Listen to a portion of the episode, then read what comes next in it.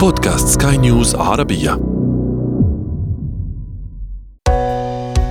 حياتنا.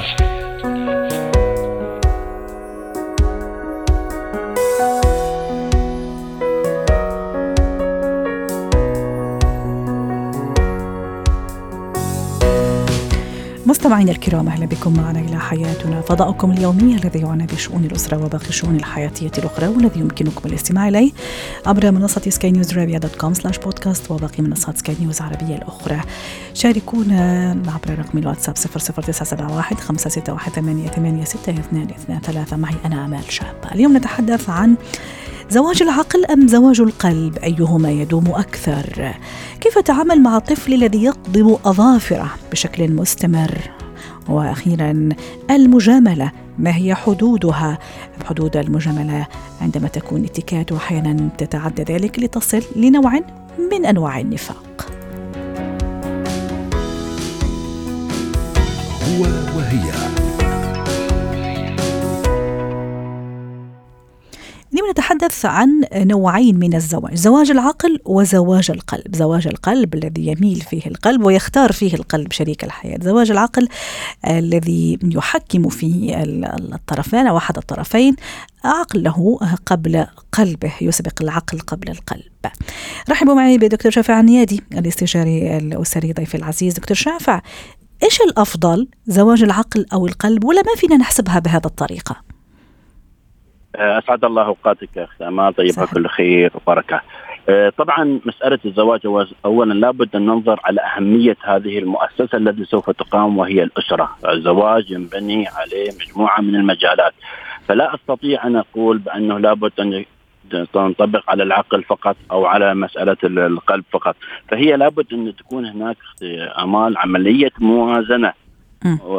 ما بين العاطفة وما بين العقل، نحن دائما نقول العاطفة قد تكون هي كمدخل لهذه الحياة، لكن في نفس الوقت لابد أن يكون هناك العقل والذي نحن نطلق عليه عملية فلترة لبعض الأشياء التي تبنى عليها الأسرة، كثير فينا حالات واستشارات اختعمال آه، بناء حبهم بناء الحياة الزوجية على حب حب عمي ونحن مثل ما يقولون والله الحب مرآة عمياء الحب عمى هي فلكن سبحان الله هذا بعيدا عن مسألة تغافلوا عن العقل تغافلوا عن القيم تغافلوا عن ظروف الوظيفة تغافلوا عن مبادئ. أبدا بس الحب أعمى النهاية ما بين مسألة الحب مسألة وقتية. لن لن تدوم لأن إحنا نتكلم عن حياة زوجية سنوات وعقود من الزمن. ما بدأ يخف هذا الحب. صار ماذا؟ آه تظهر كثير من بعض الخلافات في الحياة الزوجية.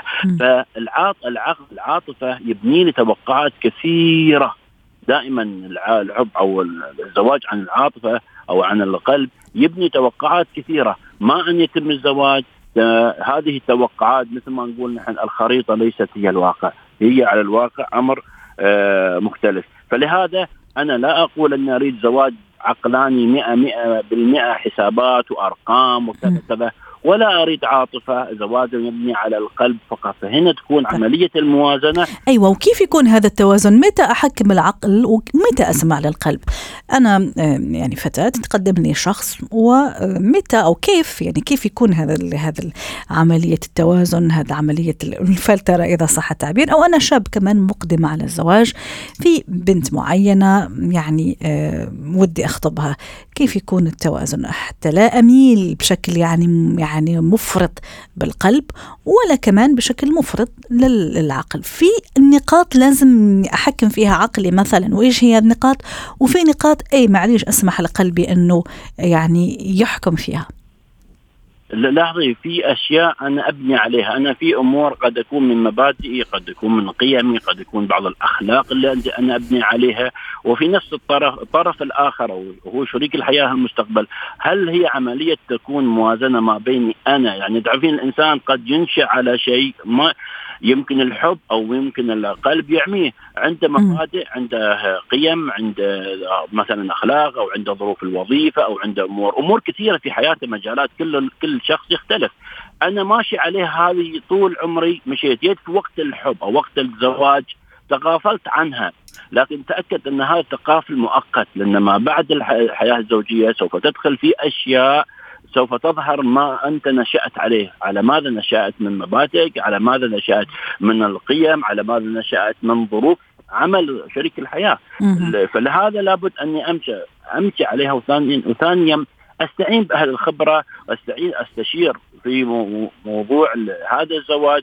آه، يعني دائما إن نحن نقول هذا الزواج يعطيني يعمي أو بمعناته يعمل كثير من العيوب من طرف الحياة شريك الحياة. إيه وفي كمان البعض يقول لك لما كمان فقط أحكم العقل يعني العاطفة المشاعر هذه كمان يعني كثير ضروري وملح الحياة في الحقيقة وملح الحياة ال- الزوجية بين الزوجين وبين الشريكين كمان يعني يبطل في معنى لحياتنا إذا حكمت عقلي من داي وان في البعض الآخر يقول لك لا يجب نح- نحتكم للعقل ونمتثل العقل ثم الحب والعاطفة والمشاعر رح تجي بالعشرة بالمودة وبالسكينة اللي رح تكون بين الزوجين فبشكل أوتوماتيكي رح تجي هذا المشاعر هنا يأتي دور العقل يعني. قد تكون شخصية تتزوج شخص هي تكره البخل تكره البخلاء وتكره. صار نوع من الحب مع شخص ثاني أوكي بيتم الزواج هي الحب لطرفها الشخص والزواج عمى عنها سلوكه قال لا إن شاء الله يمكن هو يتغير. بس هو قال أنا لن أتغير أنا هذا هو طبعي أنا هذا هو سلوكي. مم. هو الحب آه ومعناته القلب آه عمى عن هذه النقطة. فيتم هذا الزواج مع الوقت نحن نعرف مسألة الحب ليست مسألة الحب ال- دائما حتى في ديننا الحياة الزوجية مبنية على المودة والرحمة. هو الذي يدوم. أما الحب مثل يرتفع وينزل. ما أن يخف المنسوب الحب وما شابه ذلك ماذا يفعل؟ تنظر نظرة البخل في نظرة مش طبيعية. وهذه حالات مرت علينا وجتنا في الاستشارات. أنا دكتور مش طايقة أعيش معه أسلوبه كذا عاداته كذا. زين قبل الزواج أنت شو كيف؟ قال أنا كنت حبيته وأنا ما أعرف كيف وأنا توقعت أن حبه لي ممكن يتغير. هنا يرجع دور العقل. نعم نحن نقول عاطفة لكن العقل هل هل الإنسان سوف يستطيع أن يتغير؟ هل أنا أستطيع أن أتغافل؟ هل أنا أستطيع أن, أتخ... أن... أن أتخلى عن عيوب هذا الطرف الآخر؟ أنا إذا كان هذا الإنسان فيه عيوب وأنا بعقلي أني أنا ما مشكلة أتغافل عن عيوب أنا مستعد أن أتغافل عن عيوب شريك الحياة فممكن يكون هذا النقطة. فلهذا نعم. السبب لا نبني الحب يبني أو العاطفة تبنينا توقعات عالية ينصدم. كثير بعض الشخصيات ينصدمون فيها لما يجون على المو... على, الوا... على الواقع ولا ننسى خاصة في اعمال المتوسطه نتكلم بواقعية الحين نعم. عاطفة طاغيه عن كثير من بعض سواء من المسلسلات الرومانسية سواء من آه، بعض المواقع التواصل اللي تكون موجودة أها. فالعاطفة طاغيه عن كثير من بعض الشخصيات ما أن يتم الزواج خلاص أنا زواج حب حب كذا فيردون ينصدمون بالواقع وتختل هذه المشاكل وهذه الموضوع.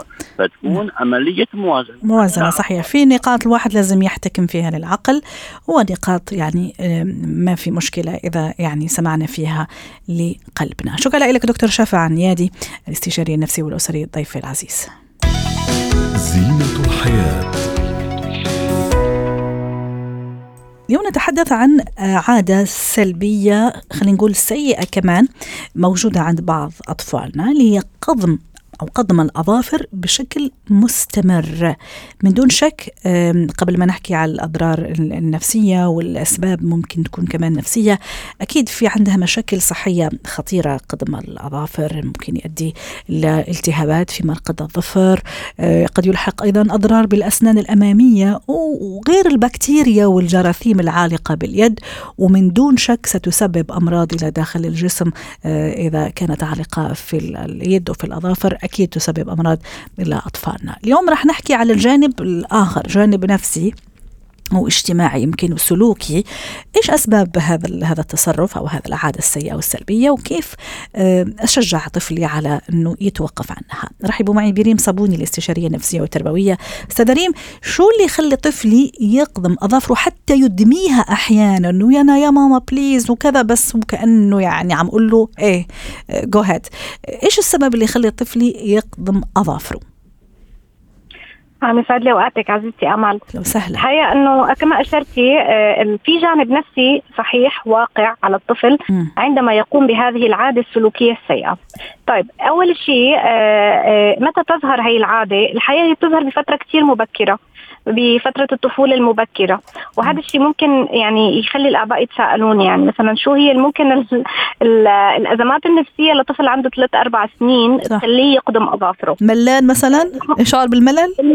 الملل صحيح تماما. الملل شعور آه، ضغط نفسي على الطفل. آه، شو اللي يخلي الطفل يمل يعني في سن ثلاث أربع سنوات؟ ما عنده ألعاب ومرح سعيد بينطنط إمتى ما بده. شو ممكن يخلي طفل طبعا عم أتساءل بصوت عالي ها؟ على فكرة كثره الألعاب مش مو أيه. صحي لأنه ممكن تعرضه أصلا للملل ف أو الأم يأتي بتوفير للأطفال ألعاب حسية تجعلهم يستعملوا إيديهم بأشياء تانية. يعني الطفل عنده ميل نحو استخدام اليدين إنه هو يضل على طول مشغول إيده. مشغولة فهو ممكن يشغلها بفمه. بدل ما. أشغل بفمه طيب نستخدم صلصال نستخدم ألعاب حسية تلوين ألوان الطعام اللي ممكن نحن نستخدمها بنلون بالأصابع. ب- بس أستاذ ريم قبل ما نروح للحلول وهالأشياء الجميلة اللي عم تحكي عنها خلينا نحكي على الأسباب. نحن عم نحكي على ملل. آه، معقول أحيانا بعض الأطفال قبل ما ينام يقوم بهذا العادة السلبية وهذا أيوة. السيئه مهم. صحيح. السبب الوارد جدا عند الأطفال أنه تبدأ بمص الأصابع للتهدئة قبل النوم مهم. بعدين تتحول لعادة قدم الأظافر. فهذا كمان سبب وارد ومنتشر جدا. في سبب آخر هو الغيرة.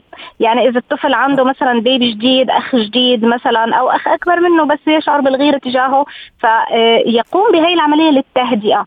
لأنه هي العملية شوي بتوصل الطفل إلى إلى شعوره بالإحتكاك باليدين تهدئة بال- بإفراز اللعاب آه، التوتر القلق العصبية آه، كلها عوامل ضاغطة نفسيا. وقد تكون بالمناسبة هي أسبابها كمان مكتسبة. يعني مثلا آه، أخوه بالبيت بيقوم بهي العادة فهو شاف الطفل شاهده. فقلده. فهو إذا سلوك أو أبوه أو أمه الطفل يتعلم بالقدوة كمان يقلد. حقيقي. حقيقي فاذا هو يا إما سلوك ناجم عن ضغط عصبي نفسي أو سلوك مكتسب ناجم عن مشاهدة الآخر أو سبب بكل بساطة الملل أو حتى كما أشرت المساعدة في النوم أو بعد أيه. الفطام الأطفال عادة بيلجأوا لهي العادة التوتر كمان وأحيانا نشوف مع الأطفال لما يكون ناوي يع- يعمل له عملة آه لأنه ممكن عم يركز بهذا الدقائق أو الثواني بنلاقيه بيقنم أظافره صح؟ صحيح وكمان إذا هو سرحان وعم يشاهد التي في آه. كثير ضروري نراقب أطفالنا أثناء آه، آه، وقت الشاشة لأنه هو ممكن يكون الطفل سرحان وعم بيلهي نفسه أو أثناء اللعب بالالعاب الإلكترونية اللي هي أصلا بتسبب توتر وبترفع مستويات الأدرينالين وبتخلي الأطفال أصلا متوترين خلقه يعني من غير أي أسباب آه، أو عوامل بيئية. وإنما هي عوامل تتعلق بالتوتر الناجم عن الألعاب الإلكترونية يلي بتخلي الطفل مثلا في سباق عم يلعب مثلا لعبة فيها سباق فيها آه، تحدي معين كلها بتحطه تحت ضغط عصبي ونفسي وبتشعر بالقلق والتوتر كما أشرنا كمان إلى عوامل بيئية يعني يا إما هي عوامل بيئية آه، داخلية يا إما خارجية بسبب الشاشة أو مكتسبة آه، في نعم. البيئة أو هي ناجمة عن مرحلة طبيعية انتقالية من آه، عادة مص الأصابع إلى فيما بعد لتهدئة النفس. يعني هي عادة سلوكية بنسميها سلوكي صح. آه، أحيانا ما بتكون مقلقة. متى نبدأ نقلق؟ آه. لو تحولت إلى عادة مزمنة. أيوه. ال ال ال هذا الشيء طبعا بنلاحظه على الأثر على الأظافر. لذلك دائما نحن بنقول حافظوا على قص أظافر أطفالكم حتى لو طولوا شوي على طول نقص الأظافر لأنه هذا الشيء رح يمنعهم من القيام بهي العادة جميل. آه، أو أو السلوك السيء. طب حنا بلشنا نحكي عن عن عن الحلول. كمان بين التجاهل أحيانا يعني الخبراء التربويه التربية عفوا بينصحوا بشكل عام يعني التجاهل السلوكيات السيئة خاصه في بداياتها. في آه، هل هذا الصحيح إني أتجاهل حتى ما ألفت نظره ما أقول له مثلا stop ما أقول له ما ينفع أخليه ممكن مرة مرتين ثلاثة ثم أتدخل وكيف يكون التدخل؟ صحيح. آه، عادة هذا بنسميه ال- الإطفاء بالتجاهل. مم. يعني إن أنا أتجاهل السلوك إذا بدأ في البداية ما أعمل عليه focus كل شيء بعمل عليه فوكس بزيد صح وكأني عم أقول له آه، نعم انت أنت صح. بالضبط. يعني بنبهه إلى إلى قضية قد لا يكون الطفل أصلا أو قد يكون عاملها على فكرة يعني ب صدفة أحيانا. بطريقة صدفة. بالضبط. يعني مم. هو مش مركز فقدم ظوافره.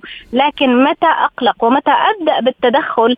والتدخل له مستويات الحقيقة يعني. مو دائما نعم. تدخل علاجي أحيانا تدخل سلوكي أحيانا تعزيز. يعني يقول له برافو عليك أنت اليوم مثلا لا ما قدمت أظافرك ولا مرة فأعمل له تعزيز إيجابي. آه هذا كمان يعني بي- بي- بيساعد الطفل على إنه نعم. يقلع عن السلوكيات. مو دائما إقلاع عن سلوك سيء هو بال- بالعقاب صح. أو بالحرمان. أو تشتيت انتباهه كمان ما أشرنا لها ضمنيا تشتيت الانتباه الهاء بشيء آخر. أعطيه بديل تماماً. أعطيه بديل. آه بدل ما اخليه يعني إيدينه حرة مثل ما بيقولوا على طول ما عنده شيء لا أشغله بشيء مفيد. بالضبط. وما أخليه يعني يركز مع مع ال- ال- الإيدين. حتى نختم استاذه ريم. تماما. يعني أقوم أو طبعا آه، أول شيء مهم جدا كمان أني أقوم بتهدئة الطفل. يعني قد يكون الطفل. عنده مشاعر تحتاج إلى تهدئة. فهذا الشيء لازم أنا آه، يعني أكون واعية عليه. دائما احيطه بالإشباع العاطفي. نعم. آه، أبحث عن بدائل لكي يتم إشباع آه، الحركة آه، تبعت اليدين إشباعه نفسيا وداخليا. آه، أكافئه عندما يتوقف عن هذا السلوك. أحول انتباهه. آه، لازم دائما كمان إنه أنا أراقب هل هذا السلوك في البيت أو في الم- في المدرسة أيضا. فأطلب الدعم برضه من المحيط في الحضانة أو في المدرسة. آه، آه، أكون طبعا آه، آه، أمدح سلوكه الإيجابي ما بس دائما نركز على سلوكه السلبي. فيشعر الطفل إنه هو لا يحظى بالاهتمام والانتباه إلا من خلال هذه العادة. صح. فأنا هون قمت بما يسمى بالتعزيز السلبي وليس وليس تعزيزا ايجابيا. نعم. آه، آه، أشجع الطفل آه، كما أشرت إلى أنه هو لم يقم بهذه العادة هذا اليوم. صح وأكيد من دون شك أستاذ ريم الصبر وطولة البال كثير ضرورية يعني ما راح الموضوع يخلص بين يوم وليلة أكيد بدنا نصبر عليهم ونتحملهم يعني زي ما تحملونا وحنا صغار آبائنا وأمهاتنا اهالينا الله يحفظ آباء الجميع وأمهات الجميع. شك- بالمناسبة ما في حدا ما جرب قدم أظافره يعني. ولو خفية. شكلك عملتيها استاذة ريم. شكرا لك أستاذة ريم. صابوني آه، ضيفتي العزيزة من القاهرة. اتكات ما في حدا منا ما جامل في يوم من الأيام آه، لكن شو حدود المجاملة؟ متى نتوقف عن ونقول لا ستوب ما بدنا نجامل لأنه راح آه، ندخل في نطاق آخر اللي هو نطاق النفاق؟ ومتى تكون المجاملة ذوقيات وإتيكات وطريقة حلوة في التعامل؟ رحبوا معي بالدكتوره سلوى عفيفي خبيرة الإتيكات والبروتوكول الدولي. دكتورة سلوى هل تعتبرين حالك من المجاملين أو المجاملات؟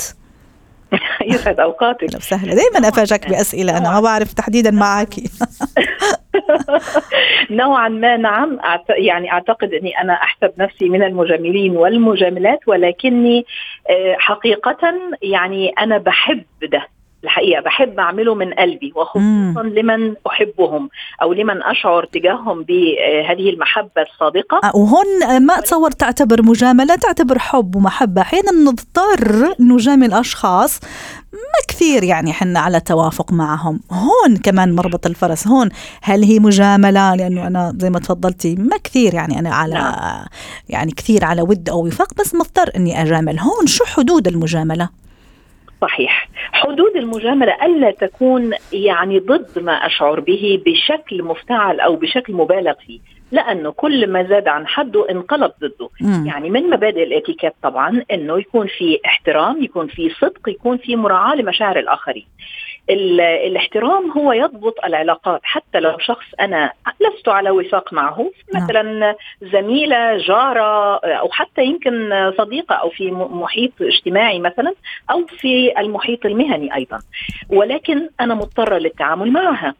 ليس من حقي إني لأني أنا لا لا أتقبلها مثلا إني أجرح مشاعرها أو إني حتى أضطر للنفاق أو قول ما لا أشعر به. يعني مثلا. اي طيب أعطينا مثال. ما كمان يعني هون شوي الأمور بت... اي وضحي لنا أكثر. لا تختلط علينا. أيوه. يعني مثلا إذا زميلة مثلا أنا لا لا أرتاح إليها. نعم. ليس بالضرورة أن مثلا أستقبلها الصبح صباح الخير إيه الحلاوة دي وإيه الجمال ده؟ ليس بالضرورة مم. يعني. لا. أنا فقط هنا أحد أحدد مثلا م- معاملاتي معها في إطار العمل. طيب لو حصل عندها موقف مثلا آه. آه، مثلا آه، رزقت بمولود أو شيء لا مانع إني أبارك. مبروك.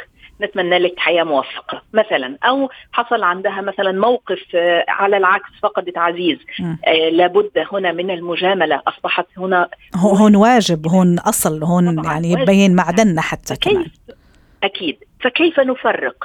فليس بدر يعني مروحتي ليها أو مثلا مجاملتي ليها في موقف عزاء أو في موقف مثلا مباركة هو ليس نفاق. هو مم. واجب اجتماعي صح. لأنه هي إنسانة صح. وبيننا علاقات اجتماعية.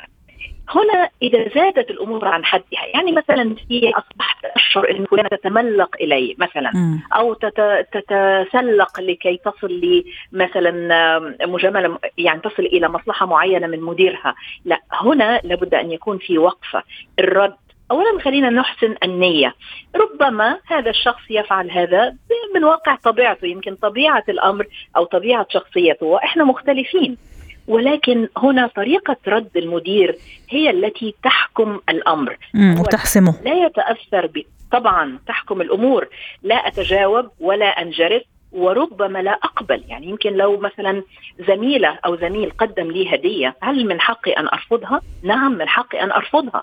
إن لم تكن لها مناسبة إن لم. تكن هدية رمزية تذكارية أستطيع أن أعلنها أمام الجميع أو أضعها على المكتب إذا كانت شيء وراءه أشياء قد لا أقبلها أنا أو ستتطلب مني الرد والتجاوز مثلا في عملي فهذا غير مقبول. هنا أستطيع أن أقول عذرا أنا لا يمكنني أن أقبل هذه الهدية يمكن غالية مثلا غالية الثمن لأني لن أستطيع أن أردها صح أو لا أجد لها موقع من الإعراب أو مناسبة أنا صح. أقدر لك مشاعرك ولكن سامحيني أنا لا أستطيع أن أقبلها فهذه هنا أنا أضع محددات للأمور. تفضل دكتورة سلوى حضرتك حكيتي كمان على أنماط شخصيات يعني في شخصيات فعلا ممكن تشوفيها تقولي خلاص هذا كثير مجامل أو كثير مجاملة يعني أنت تعرفي إنه أوفر ويمكن حتى هو يعرف إنه عم أوفر مثل ما بيقولوا بس خلص ما في. في شخصيات أخرى تقول لك لا أنا بحكي الحقيقة زي ما هي ماني مضطر إني أجامل. فهون كمان يعني مثل ما بيقولوا العصاية تنمسك من من ال من ال من, ال من النص يعني مثل ما بيقولوا. فالواحد لا يكون ليلا حتى يعصر ولا صلبا حتى يكسر مم.